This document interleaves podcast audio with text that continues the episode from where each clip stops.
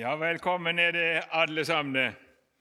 Det er lagt ut litt bøker her nede. Jeg har ikke så mye nytt. Noen har fulgt meg lenge, og noen har fulgt meg ganske kort. Da. Det er bare Blant annet har jeg disse fire, fire av disse nye bøkene som Jan Bygstad har gitt ut nå. Men dere kan se på de som ligger der nede. Men den jeg ikke har med meg i dag, da er husanlagsboken. Jeg skal lese, tror jeg skal i løpet av talen lese litt ifra den, for, men den stal jeg bort i heimen der jeg bor nå. For når jeg skulle pakke opp, så så jeg det var tomt, så jeg må fylle på. Og det var jeg ikke hjemme til å gjøre, så, så sånn gikk det. Ja, det er godt vi forsamles om Guds ord. Det er det. Og det er òg godt for meg at det ikke er kunstutstilling eh, som skal skje her. Ikke kunstutstilling. Så det var mitt ønske at Gud fikk tale noe til oss som kunne nå oss på den måten Han ville. Og Jeg tror vi ber om det alle først. Kjære Herre Jesus, vi takker deg, for med veien opp er fri. Nå ser du oss samla for ditt ansikt, og vi ber deg om at vi må få noe ifra deg til oppvekkelse, til liv, til trøst, til vandringen så vi kan få nå målet, vi som er her. Vet du hva jeg trenger, kjære Jesus, og du vet hva vi trenger alle sammen? Vi ber deg om Den hellige ånd. Amen.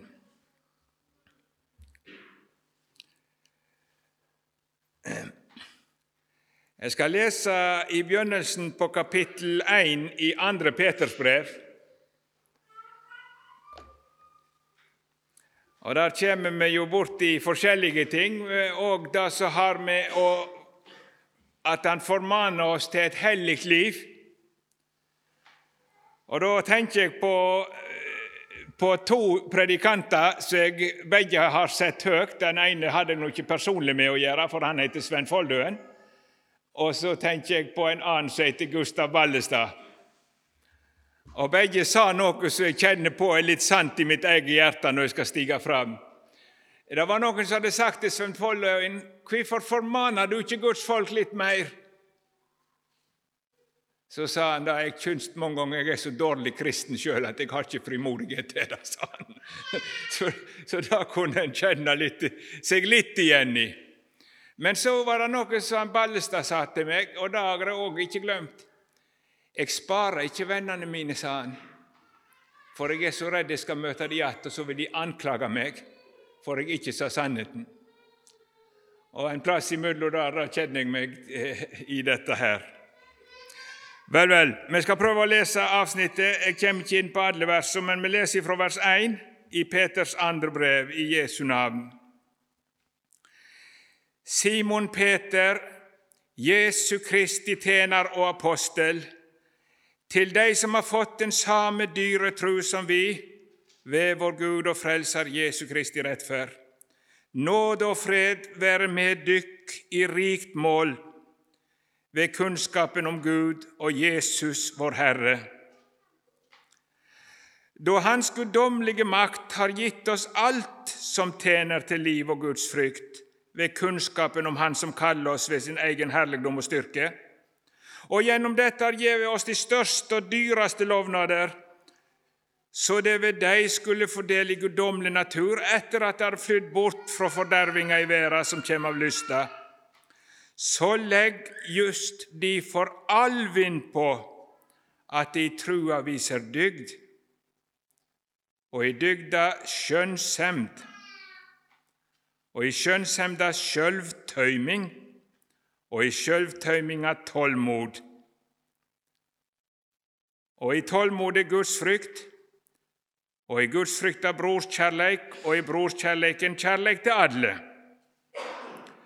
For når disse ting finst hjå dykk og får viser de at de ikke er yrkeløse eller uten frukt i kunnskapen om vår Herre Jesus Kristus.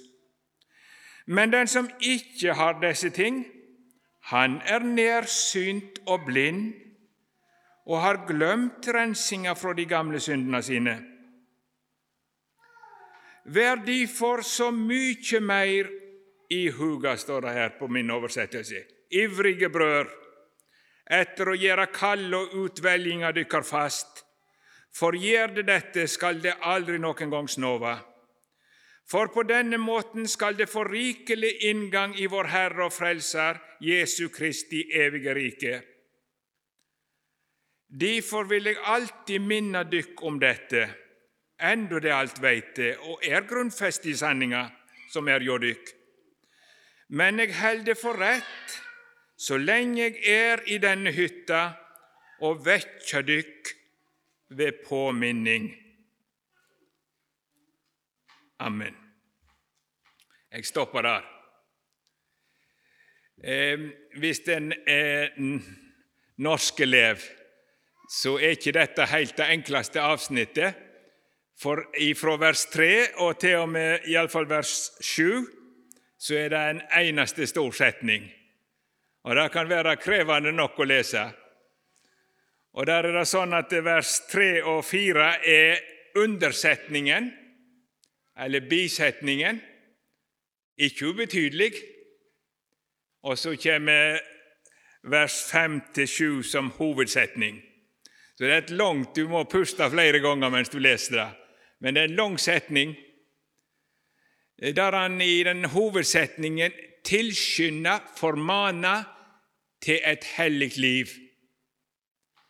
I undersetningen blir forutsetningen for at det er hjelp i, og grunnen han formaner på, gitt. Og Så kommer det etterpå noen vers, så jeg begynner nå i feil ende, da, så jeg i dag. Her står det altså om ei rekke med ting som vi formanes til. Og så står det på etterpå om disse ting finst hos dykk og får vekse, så viser de at de ikke er yrkeløse og fruktløse, altså uten frukt, i kunnskapen om Jesus. Men den som ikke har disse ting, er nærsynt og blind og har glemt rensinga fra sine forrige synder. Nå vet jeg, Søren Kirkegård sier en gang han leser den teksten i Jakob om den mannen som speiler seg, og så glemte han hvordan han så ut. Og så snakker han om at ordet er et speil. Du skal speile deg. Og Så sier han da at men vi har lett for at vi blir stående og betrakte speilet. Og Det er jo viktig de for seg å finne ut hva som står. Men så sier han, men du må ikke glemme at det var deg du skulle speile. Du skal speile deg i Guds ord. Hvordan er det mitt liv i forhold til apostelordet? Og så må ikke du glemme hvordan du så ut. Den som hører ordet og ikke gjør etter det, er lik en mann som så sitt anlett i speilet, sitt naturlige ansikt, og så glemte han hvordan han så ut. Det var ikke nytte å speilet da. Han hadde jo ingen nytte av det. Eh, så her er to klasser som han stiller opp attmed hverandre. De som er uten frukt, også de som bærer frukt. Den som ikke har disse ting, den som har disse ting, han viser at han er ikke fruktløs. Men den som ikke har disse ting, er nærsynt, vil si han ser i grunnen bedre det jordiske, og blind, og har glemt rensinga fra syndene sine. Denne teksten kan du tenke på en annen tekst som du kanskje kjenner godt. Husker du de som fikk talentene? Jesus tar fram lignelsen om disse talentene. Det var en som fikk fem, og en som fikk to, og en som fikk én.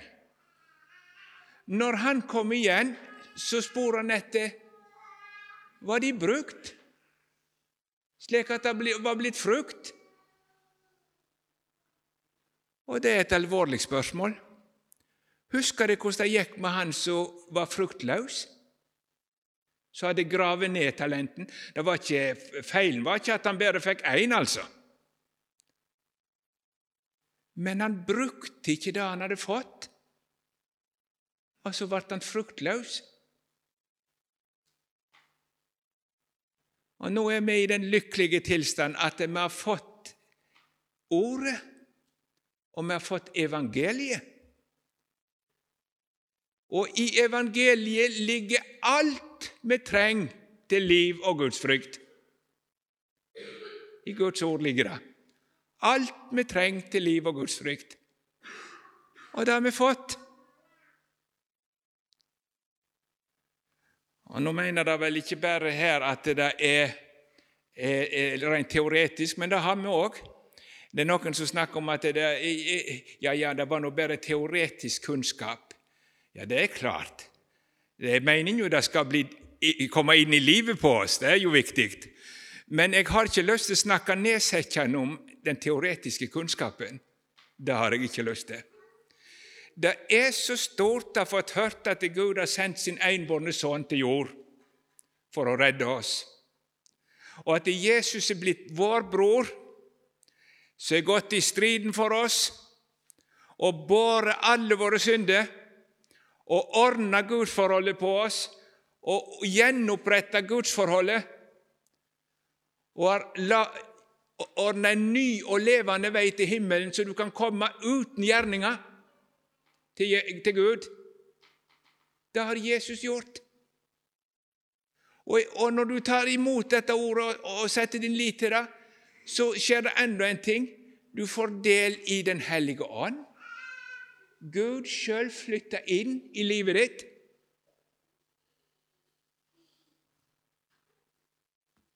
Da er det ikke bare løgn i deg, for da har du fått Guds sannhet inn i hjertet.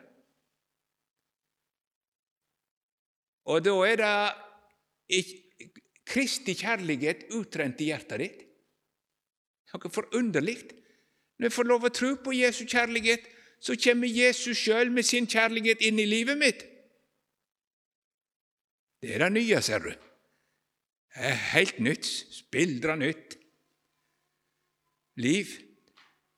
Så i evangeliet har du altså fått de største og dyreste løftet så du ved deg kan få del i guddommelig natur, står der. Det betyr ikke at du skal bli Gud, men det betyr at du får del i Guds egen natur, hans egen kjærlighet, hans egen hellige ånd.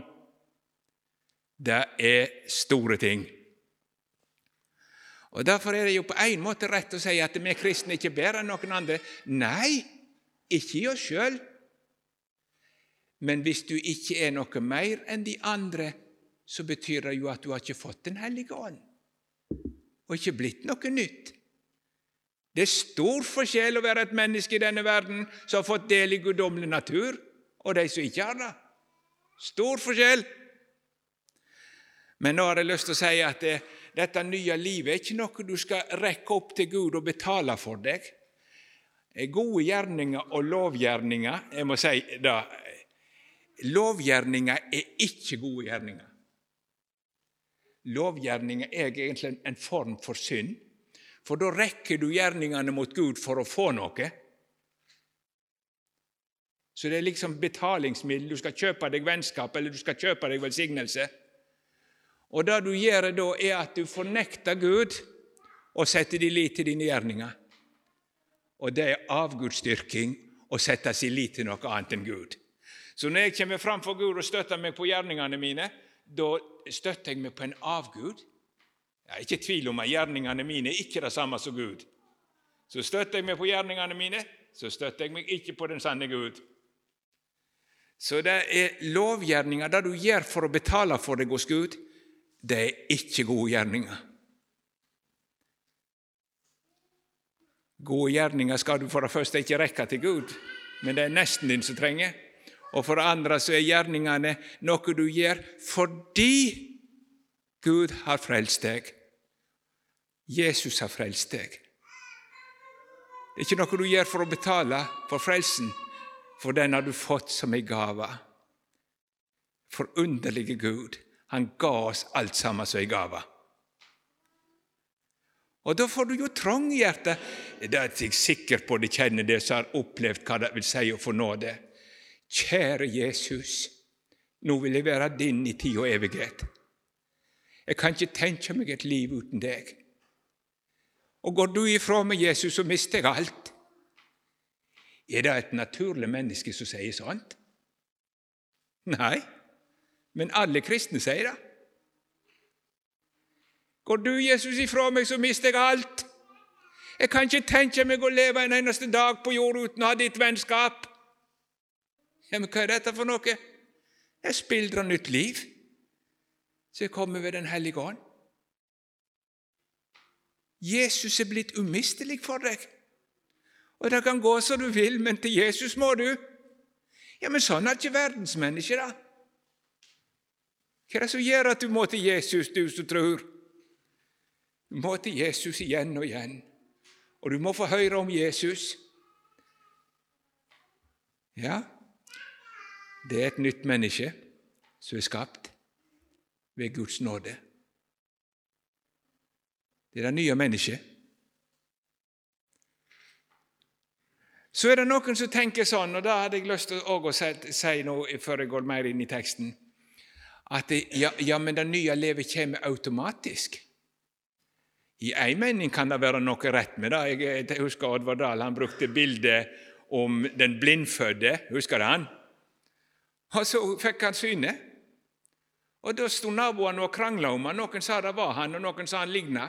Og hvorfor var de i tvil? Han gikk på en helt ny måte, det kan du være sikker på, for han hadde fått synet. Så, og Det kom automatisk. Jeg tror ikke han gikk sånn og prøvde nå må jeg prøve å gå sånn at de ser at jeg har fått synet. Eh? Jeg bruker bare det bildet. Så på en måte skjer det automatisk, men ikke på en sånn måte at de ikke trenger formanes. De som treng, tror, tror at de ikke trenger formanes, de holder ikke fast i den apostoliske måten å snakke på. For Nytestamentet er full av formaninger. Og det er ikke noe Gud har hevet ut bare for at vi skal bli syndere for Gud. Da òg. Da blir du nok, hvis du går inn på dem. Men det er fordi at det nye livet trenger det. For vi har òg et gammelt menneske som hele tida vil ta herredømme i livet vårt. Og hvis ikke Gud får vekke oss La deg merke til det som sto og vekker deres sinn med formaning. Kanskje noen er sovna. Vi snakket om søvn litt i går. Og så kommer Gud for å vekke deg. Vil du si du ikke trenger vekkelse?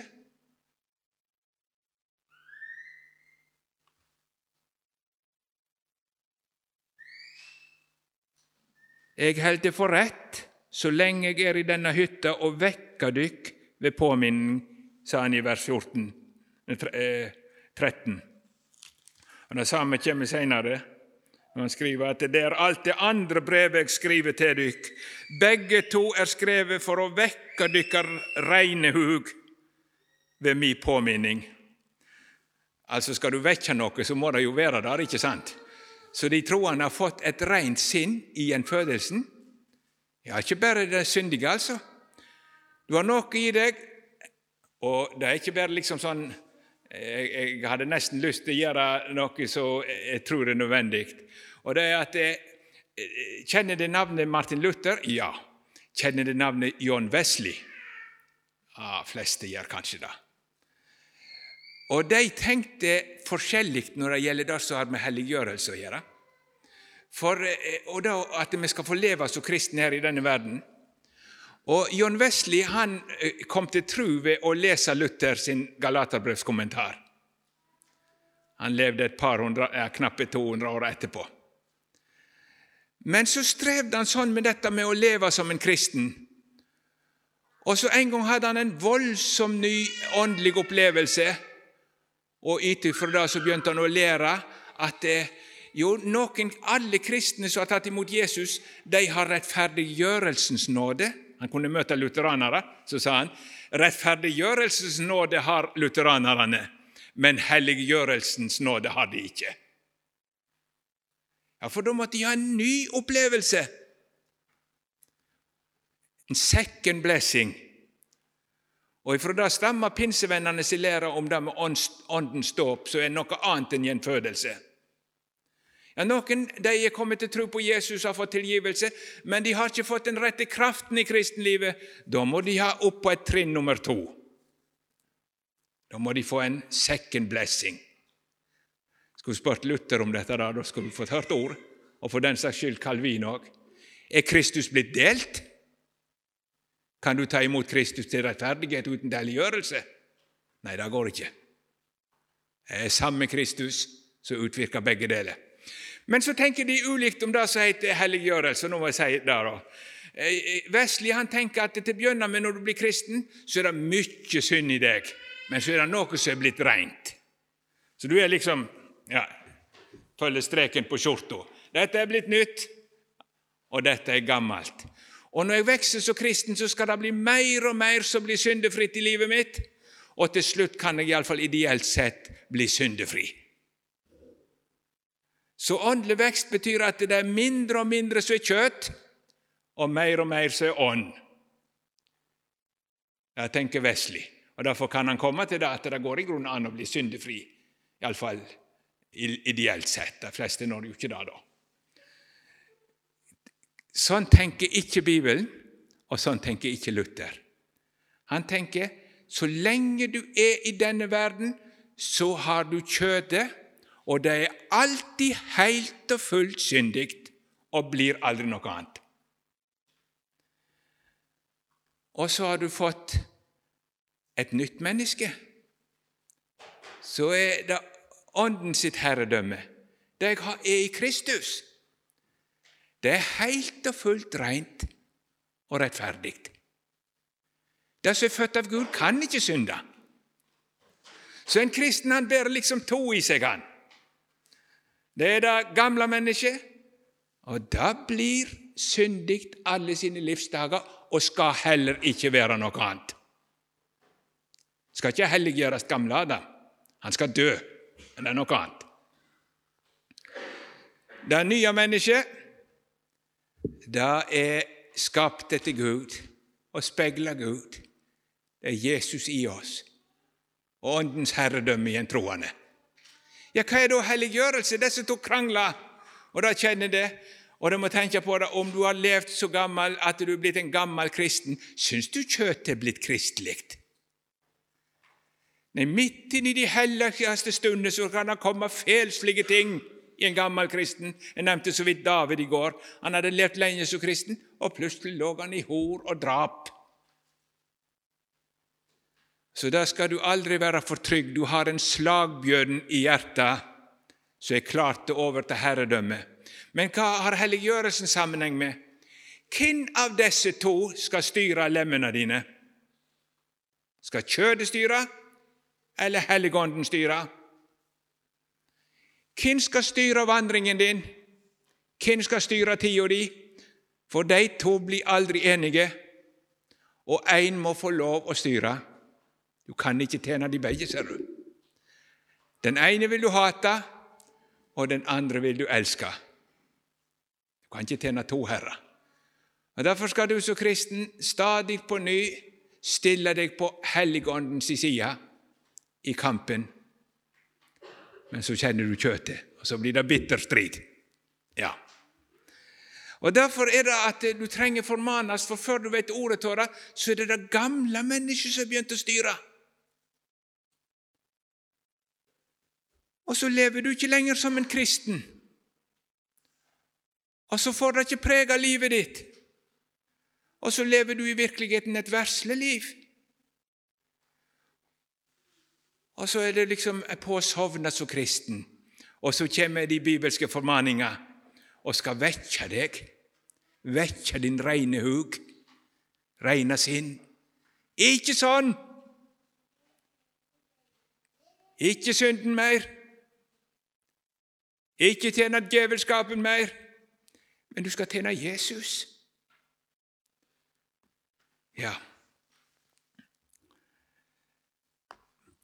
Og så kan du prøve deg. Det er noe som heter dødtru. Da kan jeg bruke Adam som eksempel. Når Gud skapte Adam, så lagde han han av jord. Og så ligger han der. Blodårene var på plass. Alt var helt fint. Men det var en feil. Det var ikke liv i han. Det er den døde troa. Alle meningene kan være på plass, men den utretter ingenting. For det er ikke liv. Og hvis du har ei tro på Jesus som ikke utretter noe, så er det fare for at det er ei død tro i hodeskallen. Den døde tru utretter ikke noe. Ja, hun kan gjøre ytre gjerninger, kan hun for så vidt rent menneskelig, men i åndelig mening blir det aldri noe. Og Derfor skal jeg alltid være mistenksom at jeg skal komme der hen at jeg, har det og kan det og veit det, men jeg ikke lever i det helligåndens samfunn med Jesus, som gjør at jeg, jeg må vandre til Guds gode vilje, jage etter det som det står om. Og Derfor er det så nødvendig å stoppe litt for dette her eh, som står her. Og så er det slik at det, å bli bevart i evangeliet, det skjer ikke ved at du liksom sitter på sidelinja og, og, og, og, kan det. Men det skjer ved at du går ut i livet og steller livet ditt etter Guds ord. Da skal du få veldig mye bruk for Jesus. For la deg merke til det som står den som ikke har disse ting, der det ikke blir noe nytt, og ikke blir tranget å leve hellig, og ikke blir en vandring som må skikkes etter Guds ord, så står det at de har glemt rensinga fra de forrige eller gamle syndene sine. De har glemt syndenes forlatelse. Syndenes forlatelse er blitt bare en teori, men ikke noe en lever i daglig. Og Lever du ikke i syndenes forlatelse daglig, så blir det heller ingen kraft til noe nytt liv, og så går du i en ring. Og Derfor er det så nyttig å få formaningene inn i livet. For da kommer du til å få så mye bruk for syndenes forlatelse, så mye bruk for Jesus. Og til mer du får bruk for Jesus, til mer vil Kristi kjærlighet drive deg til et hellig liv. Kristi kjærlighet tvinger meg. Så det henger opp.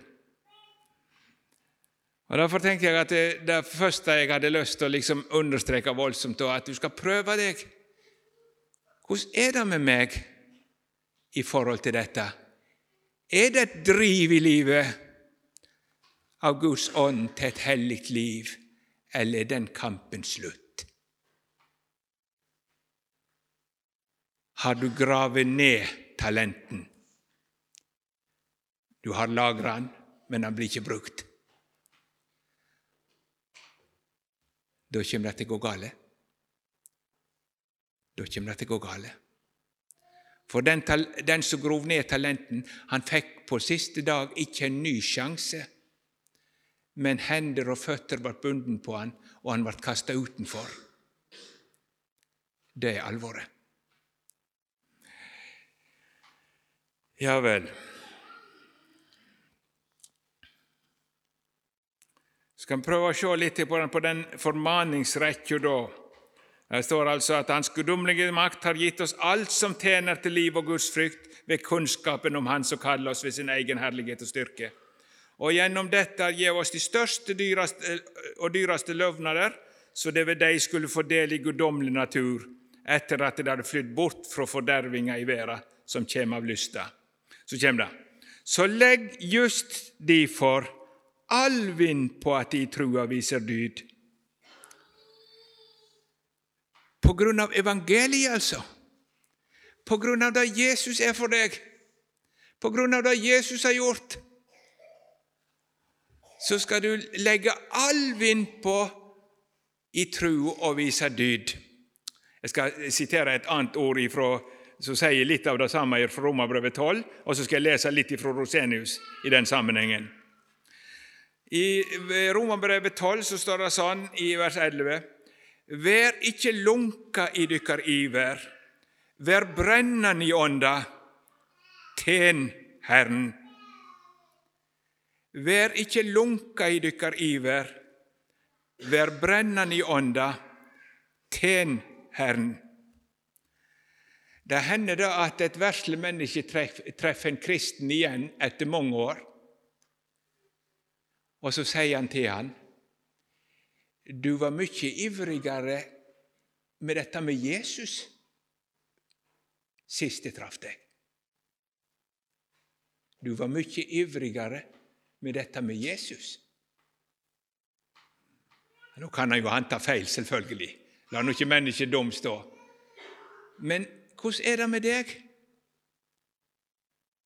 Vær ikke lunka i dykkar iver. Vær brennande i ånda.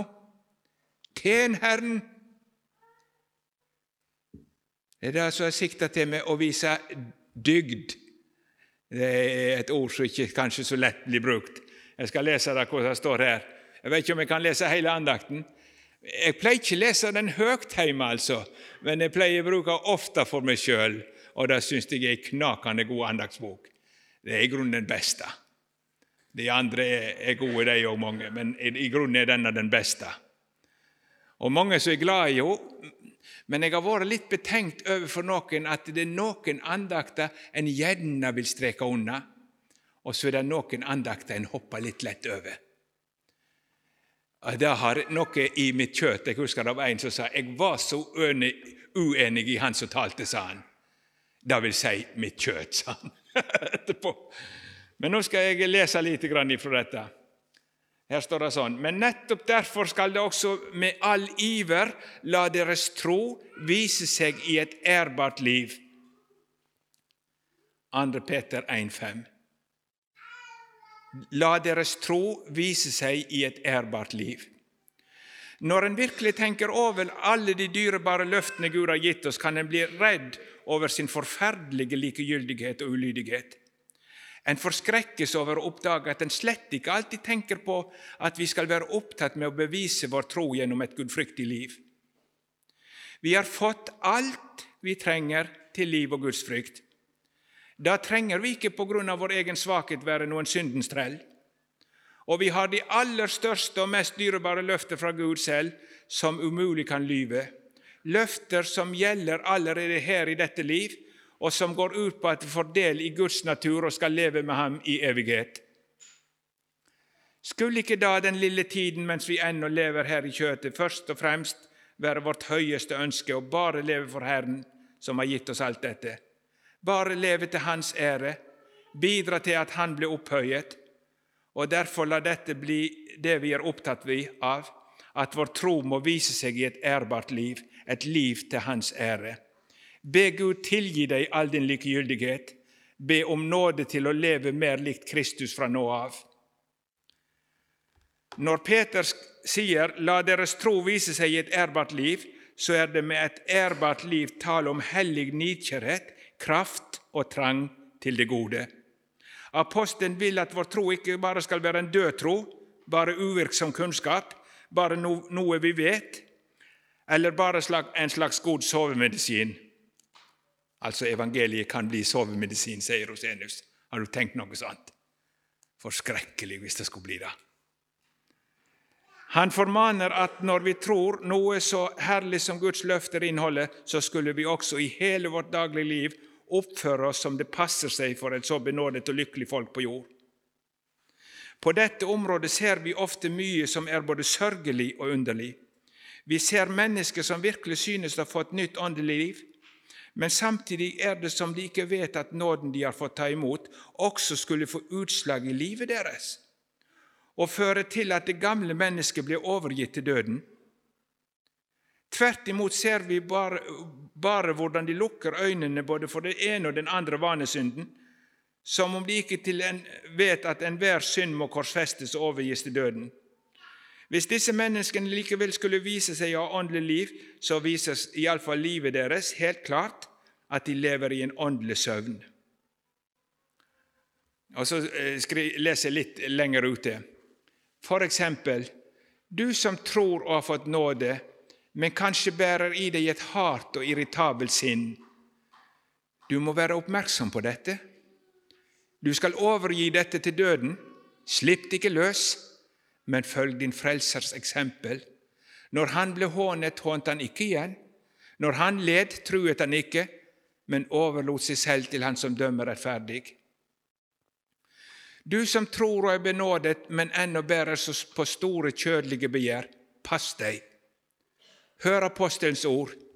Jeg formaner dere som fremmede utlendinger til å avstå fra de kjødelige lysten som fører krig mot sjelene, sjelen. Du som tror og har fått motta nåden, men har et hjerte som er blitt inntatt av jordiske ting, det du eier, din forretningsvirksomhet osv., slik at du først og sist er opptatt med å tale om disse tingene. Vær klar over at dette er et dårlig tegn, for da er du ikke åndelig edru og våken. Og blir du ikke våken, så vil disse tårnene kvele den gode seden i deg, så du blir en falsk kristen. I hjertet er du jo jordisk, bare i munnen og i en viss utvortes kristelighet er du åndelig. Du som tror og eier alt dette herlige Gud har gitt oss i Kristus, men kan se dine mennesker gå i åndelig død og falsk sikker mot en evig fordømmelse, gjør du ikke noe som helst for å vekke dem opp? Taler du med dem om alt annet, men vet innerst inne godt om den ulykken som truer dem? Og våkne opp. Be Gud om å få en oppriktig kjærlighet, at den alltid må arbeide i ditt hjerte så du det må bli om å gjøre for deg å finne muligheten til å tjene dine medmennesker slik at de blir frelst. Du som tror har fått nåde, du ser din fattige bror i en eller annen form for nød. Selv har du mulighet for å hjelpe ham, men du lukker bare hjertedøren din til for dette spørsmålet. Hvordan går det med Guds kjærlighet i deg nå? Her må du overgi til døden dette kjødet ditt som vil beholde alt bare til deg og dine. Ja, dere kan lese den sjøl 20. januar. Jeg syns det er verdt å prøve seg. Har Jesu evangelium en gjerning i ditt liv som gjør at du må leve til Guds ære? At du stadig må leve til Guds ære? Eller betyr det ingenting i livet? Lever du akkurat som du vil etter ditt gamle, sånn som alle mennesker lever? Et dårlig tegn. Den som ikke har disse ting, står det. Så just derfor, fordi du har fått disse største og guddommelige løftene, alt som trengs til liv og Guds frykt, så vis i tro og dykker iver. Ja. Men så kommer det ei rekke utøvende. altså. De henger sammen på en sånn måte at det er ikke all slags iver men i iveren må du hva skal jeg nå, Disse ordene her på nynorsk de er vel gjerne ikke helt dagligdagse, men eh, Vis i dygda skjønnshemd står det. Skjønnsomhet. Ja, du kan ikke bare gjøre det som du får innfall av, men du må lære av Guds ord hvordan du skal handle. Ja, for vi mennesker etter syndefallet så har ikke vi greie på hva som er gode gjerninger. Og så må Guds ord vise oss det. Så vi må bedømme livet etter Guds ord. Du har f.eks. ei bok som heter Salamos ordspråk. Det er en visdom som skal lære oss å leve rett. Og da er ikke den teoretisk visdom som du sitter med hjemme, men hvor du skal leve i livet. Der har Guds ord noe å lære oss, ser du. Jeg kunne tatt noen eksempel. Jeg husker en plass det var ei som nok hadde fått tak i noe om Jesus, og så hadde hun tenkt 'Jeg skal bli prest', sa hun. Det var iver. Men så fikk hun høre 'Nei', sa Guds ord. Hun skulle ikke bli prest, for det skulle ikke ei kvinne bli. Og så var det i skjønnsomheten Guds ord styrte det etter Guds vilje. Og Så kan det være slik i forhold til andre ting. Noen har en voldsom ivrige, men du merker at det er kjødelig iver. Kjødelig iver. Husker du når Peter skulle forsvare Jesus med sverd? Jeg har vært borti en lignende. Det var en som ble omvendt, og han var sant omvendt til Gud. Han hadde vært i slåsskjempe i sin ungdom, og så ble han et gudsbarn. Og Så gikk han på en skole der de skulle lære noe sjøgreier. Og der var det i matsalen ei forskrekkelig badning. Og han som var blitt en kristen, han ville ikke ha denne badninga. Så han reiste seg opp, og så sa han neste gang den første som badna, hiver jeg ut. Ja. Og så samla de seg en hel gruppe på bordet, og så skar de løs med stygge ord. Men de måtte på dør, alle sammen. Han var sterk nok til det. Men i ettertid så har han tenkt at det var kanskje ikke den rette måten å gjøre det på. Så det er ikke bare å være ivrig, men da spør jeg Guds ord i dyden skjønnsomhet. Du skal fare fram sånn at du ikke stenger for Jesus. Nå kan noen bruke det til unnskyldning fordi en er feig, men det fritar oss ikke fra å prøve vår gjerning. Hva sier Guds ord? Han sier noe hvordan du skal være som er far, du som skal være mor, du som er hustru, du som er mann, ektemann. Han sier noe hvordan du skal fare fram mot dine medmennesker. Så lær av Guds ord. Hvis vi ikke lærer av Guds ord, så blir vi et nytt munkefromhet. Så plutselig får de ut i ørkenen og stilte seg på ei søyle og hva det var for noe alt de gjorde, disse ørkenfedrene. De ville jo tjene Gud, ikke med skjønnsomhet. Ja, så kommer det et nytt ord, og i skjønnshemda sjølvtøyming. Nå må du tøyme deg, kjenner du det uttrykket? Sjølvtøyming. Hva står det på deres språk? Vi skulle nesten hatt bibelteksten opp, men det kan vi ikke få den opp. Eh, Sjølvtøyming. Hva står det på deres eh? Selvbeherskelse? Ja, ja. Altså, Du legger taum på noen, så styrer du dem. Og nå skal du legge taumer på deg sjøl, så du styrer deg. For det er ikke noe å vite hva som er rette måten. Det er mange av oss som veit hva vi burde gjøre. Men du må tøyme deg. Tenk på apostelen. Hva skriver han? Jeg måtte lete det opp i dag. Det er så interessant å se på disse, dette norgesmesterskapet på ski som holder på nå for tida, iallfall på mennene. Ja, det er en og annen utlending med for det heter VM. Men det er mye nordmenn som vinner, har. Ja, ja, ja, ja. Vi skal ikke si det. Så da så blir det nordmennene som taper, ikke sant? Du hender seg hva de legger i marken for å oppnå målet. Hun som vant, var ikke det i går, hun det amerikanske som vant. Hun er vekke hele halve året, bor hun i Europa. For hun er så viktig til å trene rett. Og så skriver apostelen alt i det første Korinterbrev 9. Alt gjør jeg for evangeliets skyld, så jeg òg kan få del i det. Veit ikke at det er alle de som springer på idrettsplassen, de springer alle, men bare én får seiersprisen? Spring da slik at jeg kan vinne han. Hver den som er med i idrettstevlinger, fråholder i alt, de altså for å vinne en forgjengelig krans, men vi en uforgjengelig.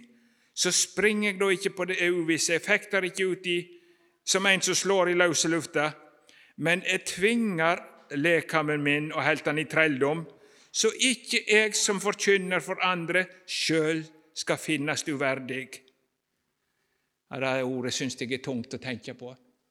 Jeg har reist siden 85, så det er nå ei og annen preik jeg har holdt på denne tida. Så ikke jeg som preiker for andre, sjøl skal finnes uverdig. Jeg snakket litt om det å være stille for ordet i går. Nå skal ikke jeg underslå at du har lov til hvile, og ifra lesing og alt. Stundom kan en være så hodetrøtt. Og noen ganger er du ikke i stand til å lese. Jeg nevnte de som var inne i depresjoner, f.eks. Jeg hørte Henry Skogvold for ikke lenge siden. Han er nå død nå, men jeg hørte han likevel. Og Da sa han da at det var en stund han kunne bare lese et eneste vers. Og det var hans helligdom de dagene det var mørkeste. Det verset hang han i. Nå, når jeg kommer hjem nå og skal ha friveke, Tror du at kjøttet mitt har lyst til at jeg fortsatt skal leve i Ordet? Nei, nå har du lest så mye og drevet så mye, slå det nå løs og la det ligge. Hæ? Så ikke jeg som preiker for andre sjøl skal finnes uverdig. Nå mener jeg ikke det fortjenestefullt. Gud trenger ikke lesinga mi, men jeg skal love dere at jeg trenger det. Jeg trenger det. Og så tvinger jeg legemet mitt. Ikke sant? Og mange ganger så lurer jeg nå på om jeg gjør det òg. Det er så lett å deg frihet til meg. Jeg gjør det jeg vil. Vi er jo evangeliske. Ja, du verden. Det er lett å legge evangeliet på kjødet. Det er, behag, det er behagelig. Men det er ikke rett til bruken. Du skal få en god samvittighet overfor Gud, men når det er kjøttet Det er ikke noe evangelium for kjøttet som sier 'lev sånn som du har lyst'. Gjør det du har lyst til. Tjen deg sjøl. Kjøp det du vil. Gjør det du vil. Lev deg ut. Nei, sånn har ikke kristendommen vært, og sånn kommer han aldri til å bli. Å følge Jesus er å fornekte seg sjøl og ta korset opp og følge Jesus. Sjølvtøyming. Ja vel. Og så står det neste uttrykket tålmod, eller det tålmodsuttrykket er jo det samme som utholdenhet. For det er jo akkurat det at dette må ikke bare være et sånt tiltak som var én gang. Det hjelper meg fint lite å si hvordan jeg begynte som emissær, hvis jeg ikke holder ut. Ikke sant? Utholdenheten, tålmod. Det koster. Og så kan du bli trøtt. Og er, Hemmeligheten er jo årsaken. Når jeg skal leve i dette år etter år, da kan jeg ikke ause ifra idealismen i hjertet mitt. Den går tomt. Men da må jeg få ause ifra Atlanterhavet, skulle jeg til å si. Det går ikke tomt. Nåden i Kristus. Igjen og igjen og igjen. Og Derfor kommer neste uttrykk i, i utholdenheten gudsfrykt. Gudsfrykt. Skal du leve som en kristen, så må du leve daglig for den himmelske Gud sitt åsyn. Det er ikke folk først og fremst, men jeg har med Gud å gjøre. Jeg har med Gud å gjøre. Det er lett å bli sånne kristne så ja, nå ser, vi, nå ser de verslige oss, så nå må vi være gode vitner. Nei, prøv deg ikke på noe sånt. Du er ikke mer vitne enn det du er til hverdags, for du skal vandre ditt liv for Guds åsyn. Det er Gud du lever for, hans åsyn. Skjønner du meg? Jeg håper jeg får det fram. Det er lett å bli sånn forbildehykleri, vet du. Og nå må vi, nå må vi vise hvor kjærlige vi er. Ha? Og vise en hel masse. Herren ser tvers igjennom, og så ser han det som er i ditt hjerte. Og så er det det som er saken. Jeg, jeg, jeg har hermet etter en mange ganger. Han sa om far sin som var predikant jeg skulle ønske noen etter meg kunne sagt sånt i sannhet. De sa 'Jeg hører gjerne far, for han er sånn som han preiker'. Eller han lever i samsvar med det han preiker. Ja. Da må du leve livet ditt for Jesus sitt åsyn. Og så går det ikke bedre enn det virkelig går, men så får du lov å gå til Jesus med det i sannhet. Om igjen, om igjen. Og så kommer det med broderkjærligheten. Og det er jo eh, eh, voldsomt sterk vekt i Skriften, den innbyrdes kjærligheten mellom de troende. Eh, du når i grunnen ikke lenger som kristen enn du når i dag i kjærlighetsforholdet til Jesus sine små venner. Husker du når Peter skulle bli lederen for menigheten, så hadde Gud han oppe til ordinasjon. Og da var det tre spørsmål. Elsker du meg? Elsker du meg? Elsker du meg? Og Peter svarte ja. Han var ikke så stor, Peter, da. Han hadde sagt før om alle feller, så skal ikke jeg. Da var han litt stor. Men nå var Peter blitt bitte liten. Men nå visste han hvis ikke jeg får ha Jesus, så jeg fortapt. Så nå var det sannhet i det. Jesus var det dyreste han eide. Du veit alt. Du Jesus som veit alt. Du veit òg om fallene mine og alle avkroker i mitt hjerte. Men da veit du òg, Jesus, at jeg kan ikke leve uten deg. Jeg elsker deg. Hva sier Jesus etterpå? Mine får. Du som elsker Jesus, du skal la den kjærligheten få utløp i forhold til Jesus sine små venner på denne jord. Broderkjærligheten. Og nå kan det bli så kaldt, for kjærligheten skal kolne oss de fleste. Jeg skulle ønske det kunne være sånn på Frøyland at denne menigheten var sånn i Kristi kjærlighet at de hadde den hjertelige omsorgen for hverandre. Jeg vil så gjerne de andre skal ha det godt, og ha det godt med Gud. Tenk om ungdommene kunne merke det, det som har vært lenger på fjorden, at når du er sammen med Jesus, så får du den forunderlige omsorgen. Jeg har opplevd sånne oppgjennom, og det er kanskje det som gjorde at deres vitnesbyrd ble så sterkt for å merke det var sant. Og Så står det til slutt eh, altså Broderkjærligheten i Filadelfia, altså. Det er det ordet som blir brukt. Og så står det Og i broderkjærligheten kjærleik til alle det sett, men det står egentlig ikke, det står bare agape. Og den kjærligheten er gudskjærligheten. Det den som kommer ned fra himmelen. Det er ikke en jordisk kjærlighet, men den kjærligheten ser ikke etter om folket har fortjent noe. For den går aldri på grunn av den, den folks fortjeneste. Altså, jeg kan jo være Det er mange av dere som har vært voldsomt snille med meg. og Jeg bare kunne vært glad i dere av pur egoisme. altså. Det, det har dere helt. Og det er greit. Det er fint, da. Og Sånn er det jo på mennesker. Du liker jo de som liker deg. ikke sant? Og De som er, sier noe godt om deg, så har du lyst til å si noe godt igjen. og sånn. Det er ikke agape. Det er naturlig.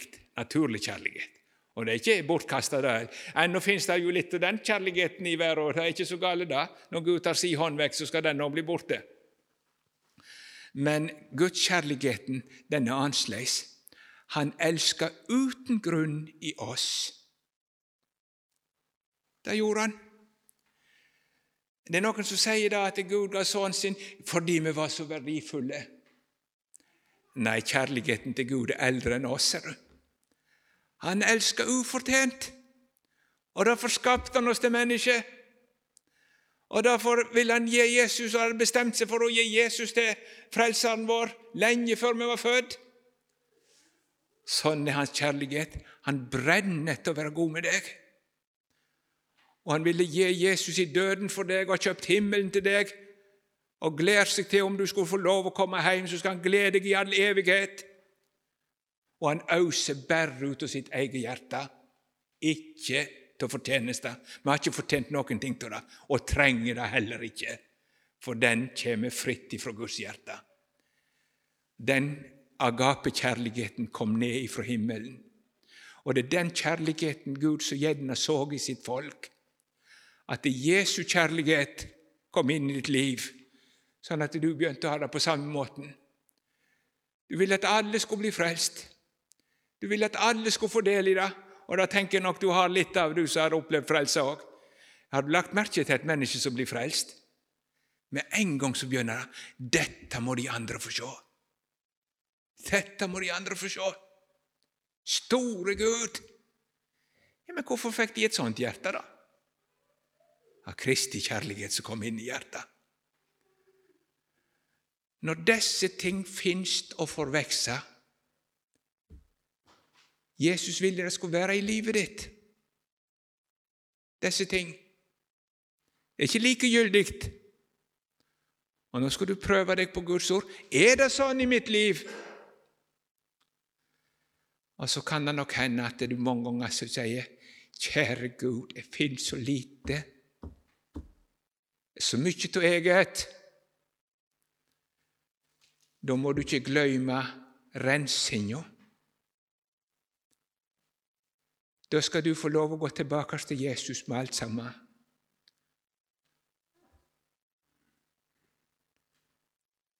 Det er en Jesus som renser fra all synd fortsatt. Om alt har gått galt på skeiva, så skal du få lov å begynne der det hele begynte. I Jesus sin kjærlighet og i rensinga ifra Han. Så det er sånn så godt, altså. Når jeg prøver meg på dette, så blir jeg ikke så stor, altså. Men jeg får så bruk for Jesus. Tilgi meg igjen, Jesus. Rens meg. Og så står det fast i dag så alltid dersom vi vandrer i lyset Kommer litt inn i det som har med Guds lys å gjøre. Så har vi samfunn med hverandre, og Jesu Kristi, Jesu Guds sønns blod, renser seg fra all synd. Jeg trenger ikke mye mot det. Jeg får gå til Jesus med alt som har gått galt. Og så vet jeg at det var med på Golgata alt sammen. Jeg får bønne med rene ark. Og jeg får lov å være et Guds barn helt og fullt av nåde. Ja, da kan jeg gå ut igjen og synde. Eh? Er det sånn det virker på dere? Når du får lov å tro? Eh, tror du Per Nordsletten Jeg har fortalt dere når han var oppe og spente hunden sin, og hunden gikk haltende hjem, og Per satte seg ned oppå der og skrev sangen å, min frelser, så kjær kan du slik som de er. Det hadde begynt med at kona sa du, nå, Per, er du så vriden og vanskelig at jeg tror du må reise til fjells og være alene. Og han tok, tok tegningen. Han, han for til fjells. Og så ville hunden være med, og så kom han til å hunden. Eh, I, i, no, han ville ikke ha hunden med seg heller, og han kjente på han og jagde han hjem. og så Til slutt så trodde han han hadde fått han hjem, men da satt hunden og venta på han på hytta. Og Da spente han til han, så han for hjem. Og da fikk han tukt ifra Guds hellige ånd. Per, du som skal være forkynner og leder, og så er du ikke til å være i lag med verken for dyr eller menneske. Og den svære Per knakk i sammen på Lesjaskogen. Og så kommer disse versene. O min frelser så kjær, kan du slik som jeg er? Ta imot meg og feste til brud. Ja, kan du ha meg kjær så heslig jeg er, da er du en forunderlig Gud. Men så minner Gud han om noe. Ja, ditt ord sier så at jeg nåde skal få, at min synd ihukommer, sånn står det før, at du ikke min synd minnes mer. Det er sletta. Det er ute av Guds minne. Når du kommer til Jesus med din synd, så er det vekk alt sammen. Og du er hvit som snø. Du skylder ingenting. Og så sa han, ditt velsignede blod gir meg nåde og mot, at jeg tror at min brudgom du er. Så derfor går jeg ned igjen og krangler videre med kona og hunden. Hæ? Nei, det skriver han ikke i sangen, og det tror jeg slett ikke han gjorde. Kjære Jesus, la meg få lov å ære deg. Og så tipper jeg det så jeg heller ikke noe om i sangen, men når han kom ned igjen, så var han god med både kona og hunden. Det tror jeg helt sikkert, for sånn er det. Ja, tenk om det kunne være en sånn flokk her, som målte seg sånn på Guds ord og jaga sånn etter leve etter Guds ord, at de hadde så mye bruk for å være på den plassen der Jesus sa synd og de er forlatt. Synd og de er forlatt. Og Derfor skriver Per Nordsletten i det sjette verset, sånn som vi har det i sangboken. Fremfor alt, la ditt blod, denne rensende flod, være daglig mitt kjæreste sted. Hvor jeg senker meg ned, hvor jeg finner min fred. Herre, det er det største jeg vet. Ja, det er det sannelig. Være en plass der det ikke fins fordømmelse. Der det er tilgitt alt ja, det er ikke bare tilgitt, men det er sletta over Guds minne. Syndene dine kommer jeg ikke mer i hug. Å, det er en god plass å være. Hver dag. Og så er det et rett forstått nye tak. Han skal ikke gamle Adam få lov å bestemme over denne karen. Og så blir det offertjeneste igjen. Jesus, og takk, så gjør jeg meg sjøl til deg. Bruk meg bare sånn som du vil. Jeg frakjenner meg retten til denne mannen. Øyvind skal ikke bestemme over denne karen. Det skal du, Jesus, gjøre. Du får meg fritt. Ja. Ja, hvordan er det? Må det speile dere. Og skulle det ha gått helt galt med deg, så ikke evighetens dag kommer, og veien til Jesus er ennå åpen. Har du mista livet, og har du mista barneretten, så har du ennå de ugudelige sin rett. Og det er å tro på Han som rettferdiggjør du ugudelige. Du skal få lov å ta din tilflukt til Jesus i kveld. Kjære Herre Jesus, vi takker deg for ditt ord. Helg oss i sannheten. Ditt ord er sannhet.